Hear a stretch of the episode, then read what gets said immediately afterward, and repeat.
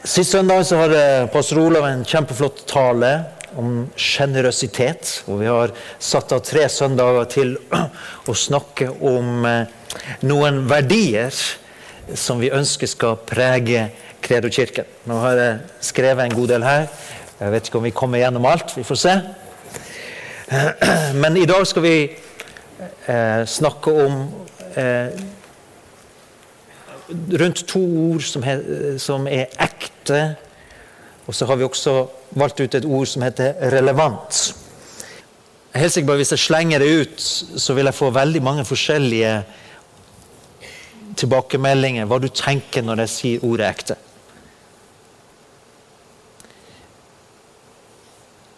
Men eh, jeg skal i hvert fall dele med dere hva jeg har tenkt, og så kan du jobbe videre med dette. her. For jeg tror det Hvis jeg spurte her noen eh, Hvis du ser den klokka her? Sånn på, litt på avstand. Er den dyr, eller er den billig? Er den ekte? Det var en som var sikker på den var billig. Eh, har du fått tilbud om ei Rolex-klokke til 300 kroner når du har vært på reise? Hæ? Det ser jo spraklende flott ut, men du skjønner jo på prisen at det her er ikke ekte vare. Men hvis vi fikk tilbudet mellom ei klokke hvor det står Rolex på til 300, og ei ekte Rolex-klokke til 30 000, så er jeg sikker på at du hadde valgt den ekte. Ja. Vi alle sammen ønsker det som er genuint, det som er ekte vare. Og eh,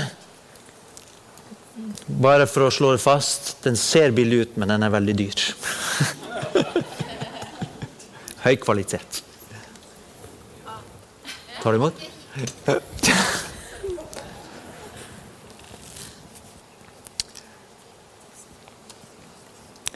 Eh, vi i Kredo kirke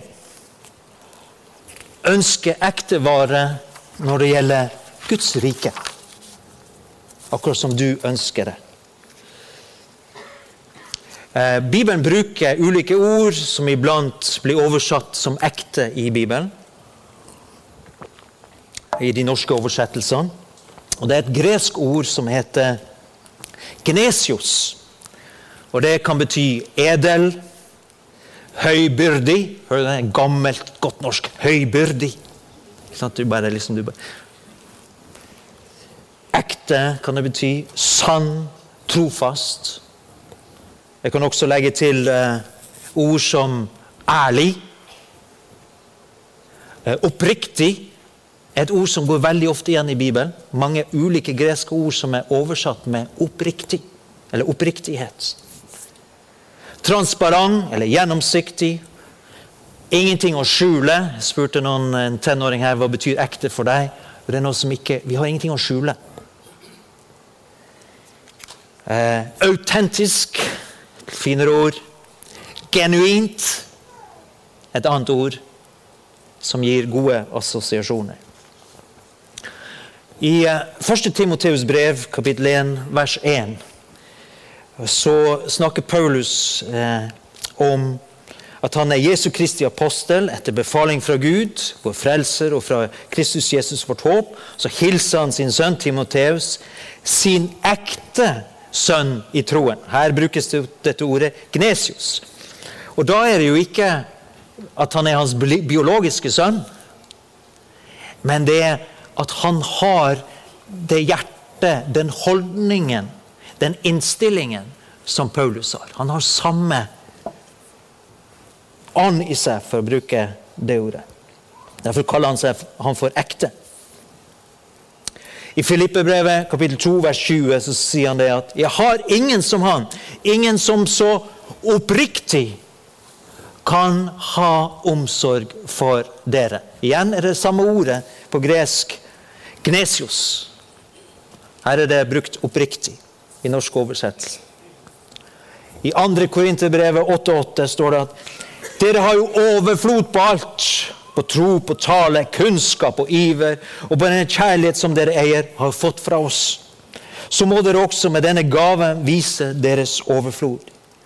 Jeg sier ikke dette som en befaling, men jeg nevner de andres iver for å prøve om kjærligheten er ekte hos dere. Gnesi hos. Så hvis det fins ekte kjærlighet, fins det da falsk kjærlighet? Sitter det bare i munnen, eller er det handling bak? Jeg syns uh, Miriam, som er ungdomspastor her på fredagen, så sa hun det så bra. Hun sa det, hun hadde gjort et nyttårsforsett. Og hun sa at 'jeg vil at min praksis skal være bedre enn min preking'.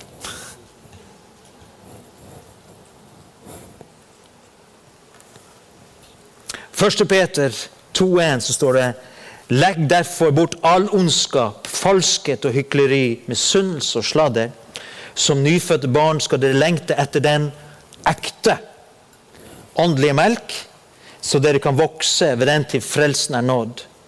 Dere har jo smakt at Herren er god. Her brukes det et annet ord. Eh,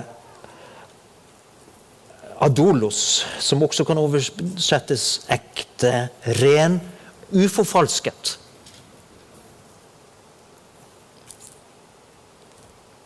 Romerbrevet 12, 9 og 10 står det 'vis oppriktig'. Anupokritos. Uhyklet. Ekte, genuin kjærlighet. Avsky det onde. Hold dere til det gode. Elsk hverandre inderlig som søsken. Sett de andre høyere enn dere selv.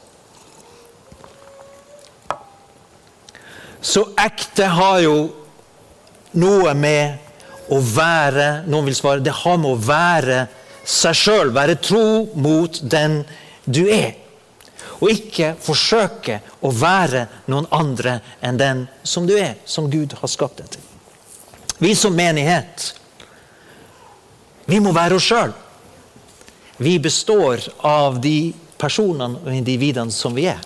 Og sammen er vi menigheten. Du er menigheten. Menigheten er ikke noe utenfor oss, det er oss. Med alt det innebærer. Men det, det er liksom et sånt fenomen at mange vil plassere, plassere oss eller andre menigheter i bås. Liksom, så de kan snakke om det. Der har vi dem. Sånn er de. Noen vil sammenligne oss. Ja, det er kjente bevegelser i verden. Det er Hillsong. Eller noen vil at ja, de tilhører Betel, og noen tror at de tilhører trosbevegelsen, og noen mener at de tilhører pinsebevegelsen, og noen mener at de er påskevenner. Hva er vi for noen ting, Kredo-kirken? Jo, vi er det vi er. Og vi skal være genuint det som Gud har skapt oss til. Faktum er at Gud vil at vi skal være oss sjøl ut fra den personlighet, de gaver og de utrustninger som Han har kalt oss til å være. Og vi må tro på Gud i oss sjøl. Og tro at Gud former oss og danner oss til det bildet og det uttrykket som Han har for oss. Hvis ikke så vil vi ikke fylle vår plass i Guds rike og hans mosaikk. Amen. Det er det samme med oss individuelt. Vi skal fremelske det genuine, ekte, originale deg. For det vil være med å fylle det rommet i Guds rike. Og vi har en kamp, alle sammen, for å kjempe for vår frihet. Og vokte oss mot alt som Jeg skal prøve å definere det som alle former for religiøsitet som så lett vil gripe oss. Vi skal være naturlig, overnaturlige mennesker. Ikke merkelige og rare, slik at vi ikke kan snakke og kommunisere med folk.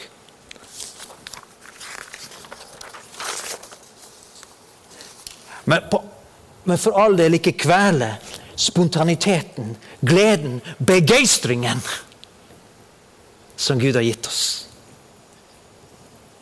I vår sammenheng så tenker vi ofte på det som er liturgisk gudstjenesteform, som noe religiøst. Har du tenkt den tanken noen gang? Jeg har vokst opp med det. Hver søndag. Fast rutine på gudstjenesten. Men vi må passe på at vi er bibelske. Fordi at Dersom bønn og lovprisningen gjøres med et oppriktig tro og hengivenhet til Jesus og Hans ord, så er den ekte. Religion oppstår når vi knytter tillit til formen eller uttrykket, til ritualet. Jeg tenker at det er det som er viktig. Bibelens kriterier er faktisk at vi skal tilbe Han i ånd og sannhet.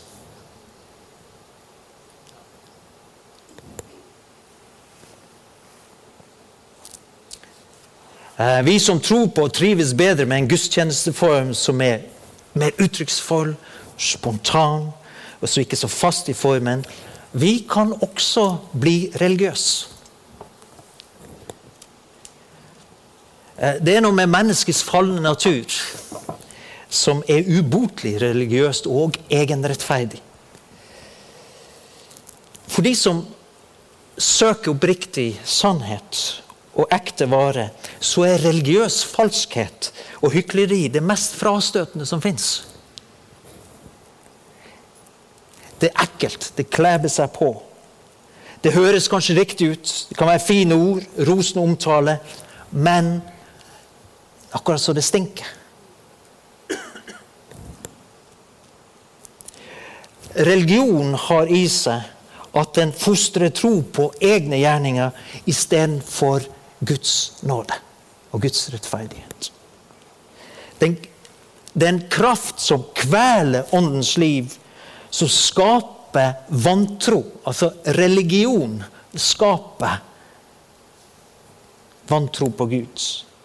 Og Det står at til og med Jesus kunne ikke helbrede i Nasaret pga. folkets vantro. De ble, altså, deres religiøse nidkjærhet gjorde at de ble sinte på Jesus når han snakket om seg sjøl som salva Gud, og han helbreda en mann i synagogen. De ble rasende. Og så prøvde de å dytte han utfor fjellet. Utfor et stup. Så religionen tar fra oss den enkle troen, gleden og takknemligheten. Den gjør oss sjølopptatt. Paulus sier at den har en skinn av Guds frykt, men den fornekter evangeliets kraft. Og den kan også kle seg i veldig spirituell språkdrakt, men det er ikke det samme som at det er ekte.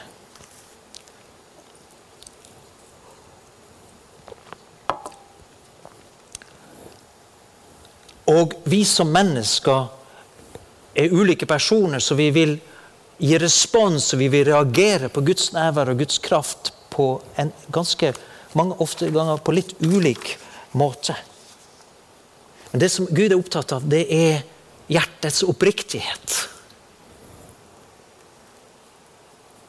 Og vi, vi tenker ofte nesten ubevisst at det er på en bestemt måte at vi, at vi, skal oppføre oss eller reagere når vi erfarer, kjenner Guds nærvær eller Guds kraft.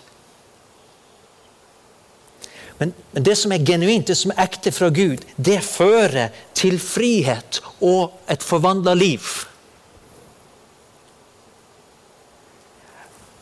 Dersom vi faller under Guds kraft under forbønn, så vil vi at det skal være Guds, av Guds kraft. Ikke fordi noen dytter oss over. Amen. Kjenner vi til i karismatiske kretser. Hvor lett vi vil at ting skal skje! Og så bam! trykker vi til. Nei, det skal være Guds ånd.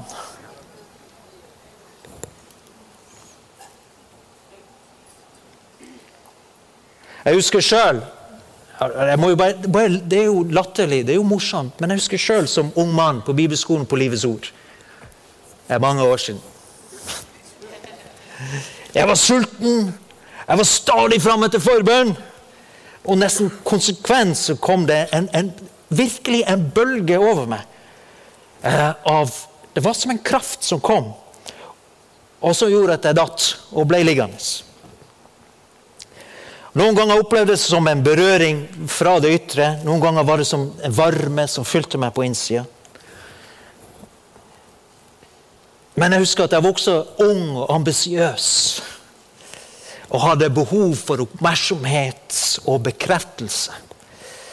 Så det hendte mer enn én gang at jeg sto opp fra gulvet, og så sjangla jeg litt ekstra mye. Med liksom sideblikket på predikantene på første rad. I håp om at de skulle se hvor mektig jeg var møtt av Gud. Jeg vet ikke om noen av dere har gjort sånn noen gang. Men det var? Det skulle være sterkt. Men vet du hva? Vi slipper det. Dere som er ungdommer, dere er lært opp til å være, ha mye mer sånn ekte, ekte, genuint forståelse. Og vi trenger ikke å lage til noen ting som helst. Det som er reelt, som Gud gjør, det er genuint og ekte. Og jeg, når jeg var i India sist, så la jeg merke til et nytt fenomen. For religiøse er innbakt i ryggmargen. Og, og, og, folk tar det med seg inn i forsamlingen. Så Første kvelden så forkynte jeg et budskap som rørte ved følelsene. Og det var mange som gråt i Guds nærvær. Så de gråt, og, og det opplevdes ekte. Det var spesielt damene. Men så neste dag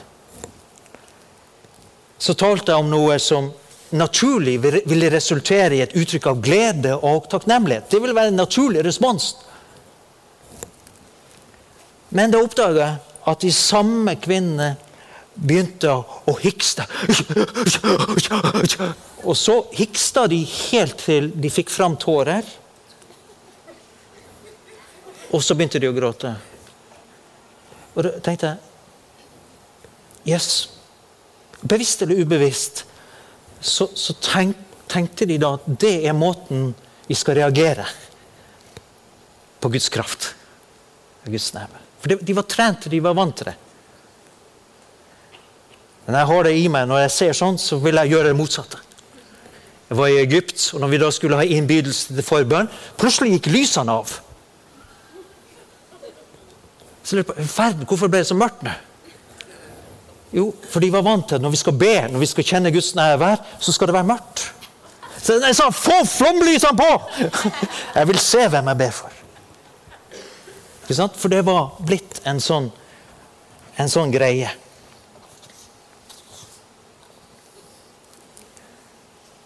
Men vet du hva? Gud vil at jeg og du skal gråte når vi gråter. Så tårene spruter. Om du ikke får til å gråte, så gråt i hvert fall på innsiden. Men når vi skal være glade, la oss være glade! La oss uttrykke det, la oss vise det, la oss juble. Om du ikke får til å juble så kraftig, så juble på innsiden i hvert fall. Amen. For det er noe som er reelt med Gud. Han rører ved hele registeret av oss som mennesker. Noen ganger trenger vi å gråte. Noen ganger trenger vi å le. Alt er en del av noen ganger må vi være høylytt. Er det naturlig å være høylytt? Noen ganger er det naturlig å være helt stille. Halleluja. Og jeg tror Gud ønsker at vi skal være fri til å kunne være helt stille, og vi skal være fri til å kunne brøle.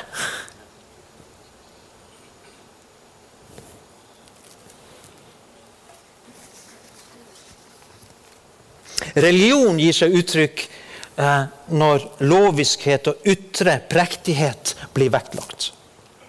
Går vi litt tilbake i ja, det, det, Du finner det i alle eh, settinger, men bl.a. i pinsebevegelsen så ble det en periode veldig fokus på ytre ting, som lengden på skjørtet, knute i håret. Ikke skulle de spille på elgitar, og ikke skulle de ha trommer, og ikke danse, og ikke gå på kino, og for all del ikke spille kort! Men Guds ånd og ild Det vil vi ha. Men det som skjedde, det var at veldig mange ungdommer, oppvoksende generasjon, forsvant fra menigheten, forsvant fra møtene. forsvant. Ikke det samme som at de nødvendigvis forsvant fra troen på Gud, men de ble borte. Og Det finnes så mange menigheter utover landet vårt i dag som mangler generasjoner. Hvorfor? For religion vektlegger ytre ting. Mens ekte liv handler om hjerte, oppriktighet, sannhet, genuinitet, autentisme. Det ble For mange ble det for stort sprik mellom det som skjedde i menighetens aktiviteter, og det som pågikk hjemme. Det ble, ble, spriket ble så stort at de opplevde det som falskt og hyklerisk. Og når unge mennesker opplever noe falskt eller påtatt Hvorfor ble pappa så rar? Hvorfor ble mamma så rar? Jeg kjenner jo ikke igjen.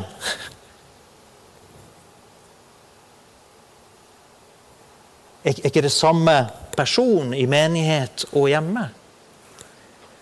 Hvis det spriker veldig, så reagerer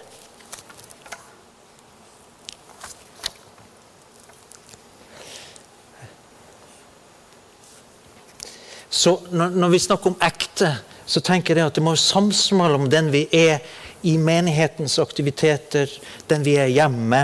At det er samsvar mellom det vi sier, og det vi gjør. Det, det oppleves som reelt. Ikke Sant? Er dere med på det? Ja. Og når vi er ekte, så kan vi og vi har rom for å snakke om de tingene i livet som er vanskelig. Eh, og være ydmyk, være sårbar, være svak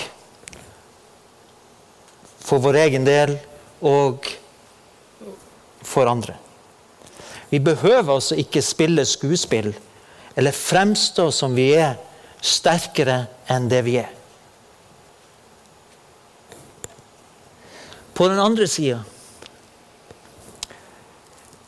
så er det noe med en ekte troende, en som virkelig har troen på Jesus i sitt indre.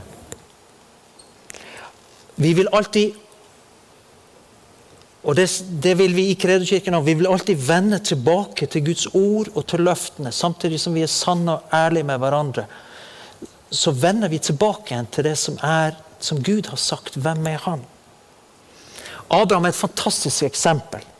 I Romerbrevet 4 så står det at han var jo snart 100 år. Men han vakla ikke i troen da han tenkte på sin egen kropp som var uten kraft, og på Saras døde mors liv. Han var ikke vantro, så han tvilte på Guds løfte, men ble sterk i troen og ga Gud ære. For han var overbevist om at det Gud hadde lovt, hadde han også makt til å gjøre. Derfor ble han regnet som rettferdig. Altså Abraham var ekte innenfor Gud. Han tenkte på kroppen sin, han tenkte på Saras døde mors liv. Han visste fakta. Han sa det er no chance, her blir det ingen baby. Han var i som meg. Ja! Ja, halleluja! Nei, han var oppriktig Dette går ikke bra i det naturlige. Men så står det at han holdt fast ved Guds løfter. Han visste det at Gud kan gjøre det umulig, og har Gud sagt, så kommer han til å gjøre så Han holdt fast ved håpet. Det var ennå ikke skjedd, men han holdt fast ved håpet. Holdt fast ved Guds ord, han holdt fast ved Guds natur. Det er også ekte. Det er ikke falskt, det er ekte. Det er ekte tro. Og, og vi er kalt til å leve sant med begge deler. Menneskers smerte og Guds løsning. Menneskers utfordringer og Guds svar. Begge de delene. Hebreerbrevet 10,23 sier at la oss holde urokkelig fast ved bekjennelsen av vårt håp, for han som ga løftet, er trofast! Wow! han sa det. Så ekte ydmykhet, sann ydmykhet, den holder fast ved Guds ord.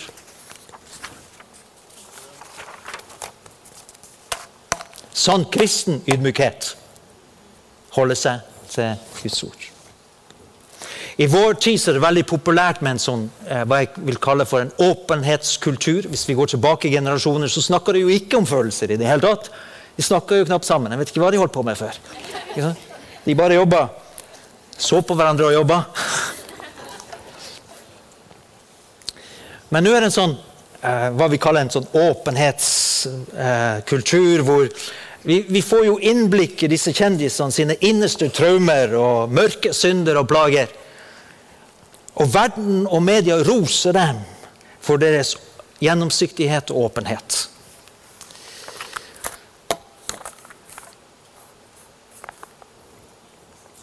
Så spørsmålet men er det det Gud mener? Er det det vi vil ha?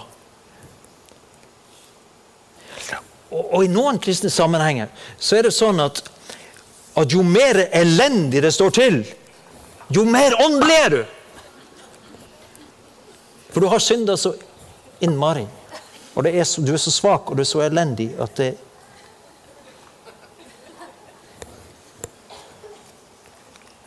Det er også religiøsitet.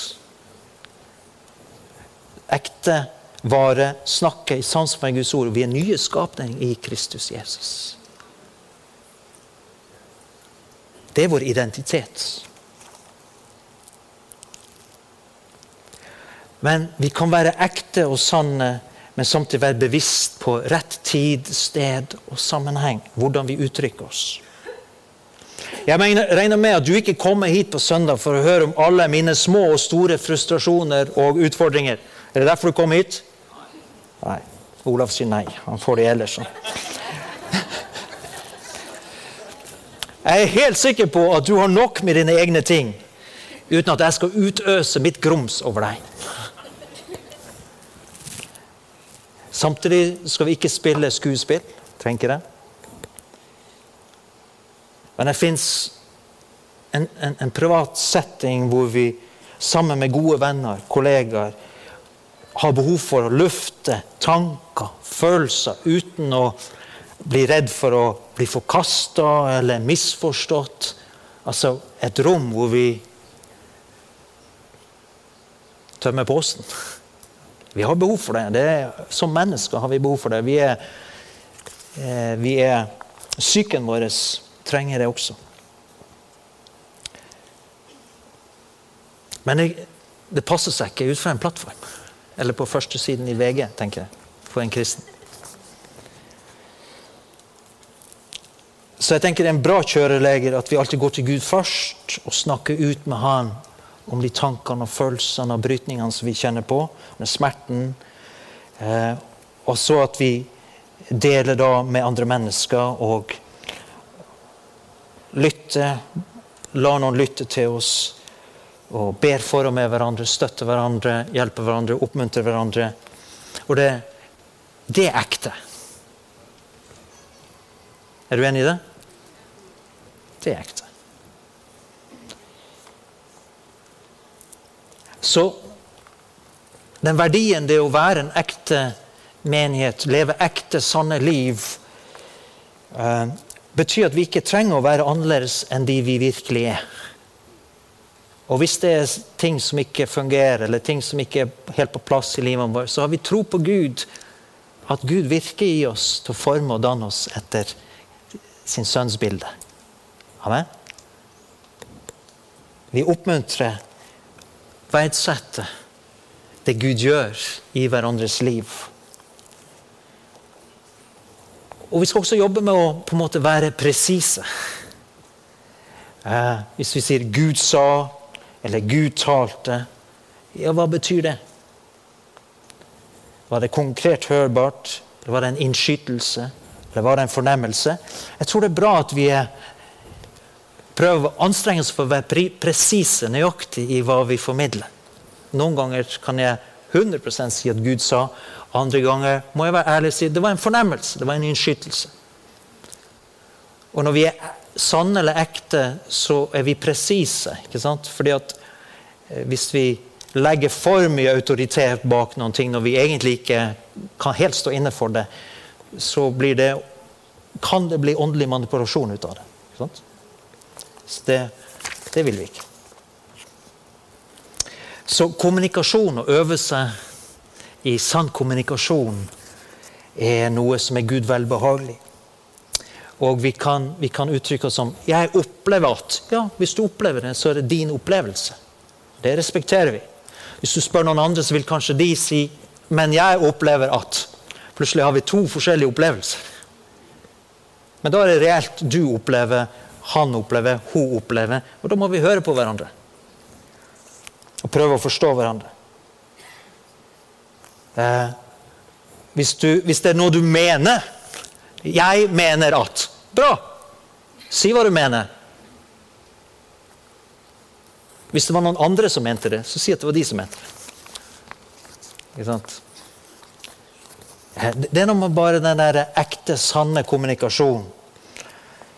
Eh, jeg tenker at Jeg hadde en professor på universitetet. For jeg hadde en sånn vane at jeg sa jeg føler at Han sa i teologien så sier du ikke at du føler, du tenker, du mener sånn. For jeg var så trent, og jeg følte alt mulig rart. Ja, det holdt ikke for han. Si hva du tenker, si hva du mener. Og så kan du si hva du føler. Selvfølgelig.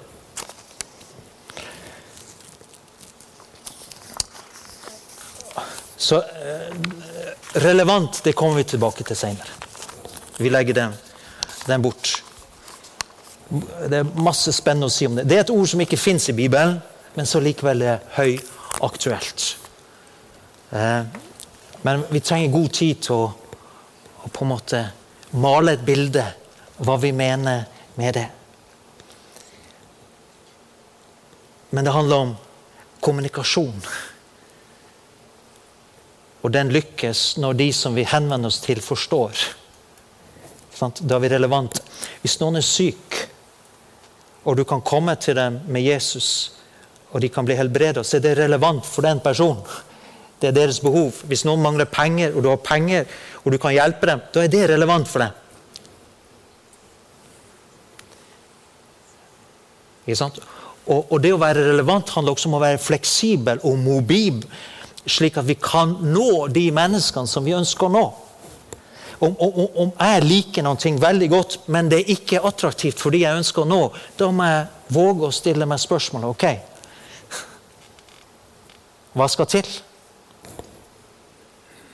Hver generasjon er mest relevant for sin egen generasjon.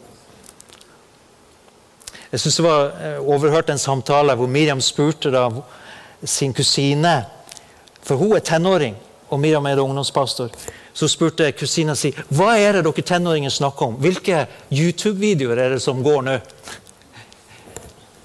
For det var bare der var det et stort gap mellom hun som 27-åring og som en 17-åring. Så det å være relevant krever litt anstrengelse fra oss også. Barn, hvordan kommuniserer vi med dem for at de skal få Guds ord for at de skal få evangeliet. Okay, vi må tilpasses. Andre kulturer osv. Så, så det er helt spekter av, av dette her. Men det må vi ta en annen gang. Men det som er greien er at vi skal være, Gud er relevant. Han svarer på alle livets dypeste spørsmål. Hvem er du? Hvor kommer du fra? Hvor skal du? Hvordan blir du frelst? Hva er meningen med livet ditt? Hvem er den sanne Gud? Guds Bibelen svarer på alle de tingene. Det mest relevante vi kan gi noen mennesker, er evangeliet.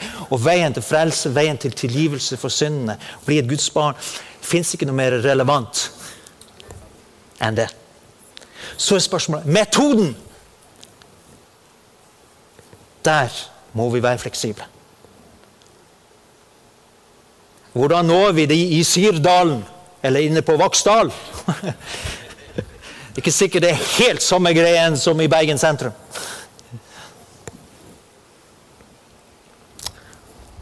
Men begge er like relevant. Det spørs settingen. Hvem er det vi henvender oss til? Skal vi be sammen? Jeg tror du har fått noen tanker rundt det som, om å være ekte. Jeg håper det. Eh, Det er det vi ønsker. Det Gud ønsker, det vi ønsker å framelske. Frihet for Gud, frihet for hverandre. I sannhet og ærlighet, oppriktighet. I gode dager, i vanskelige dager, ekte liv. Hjemme som borte. Takk, Herre. Jeg priser deg, Far, for alt det du har sagt og gjort i dag, Herre. Vi er så takknemlige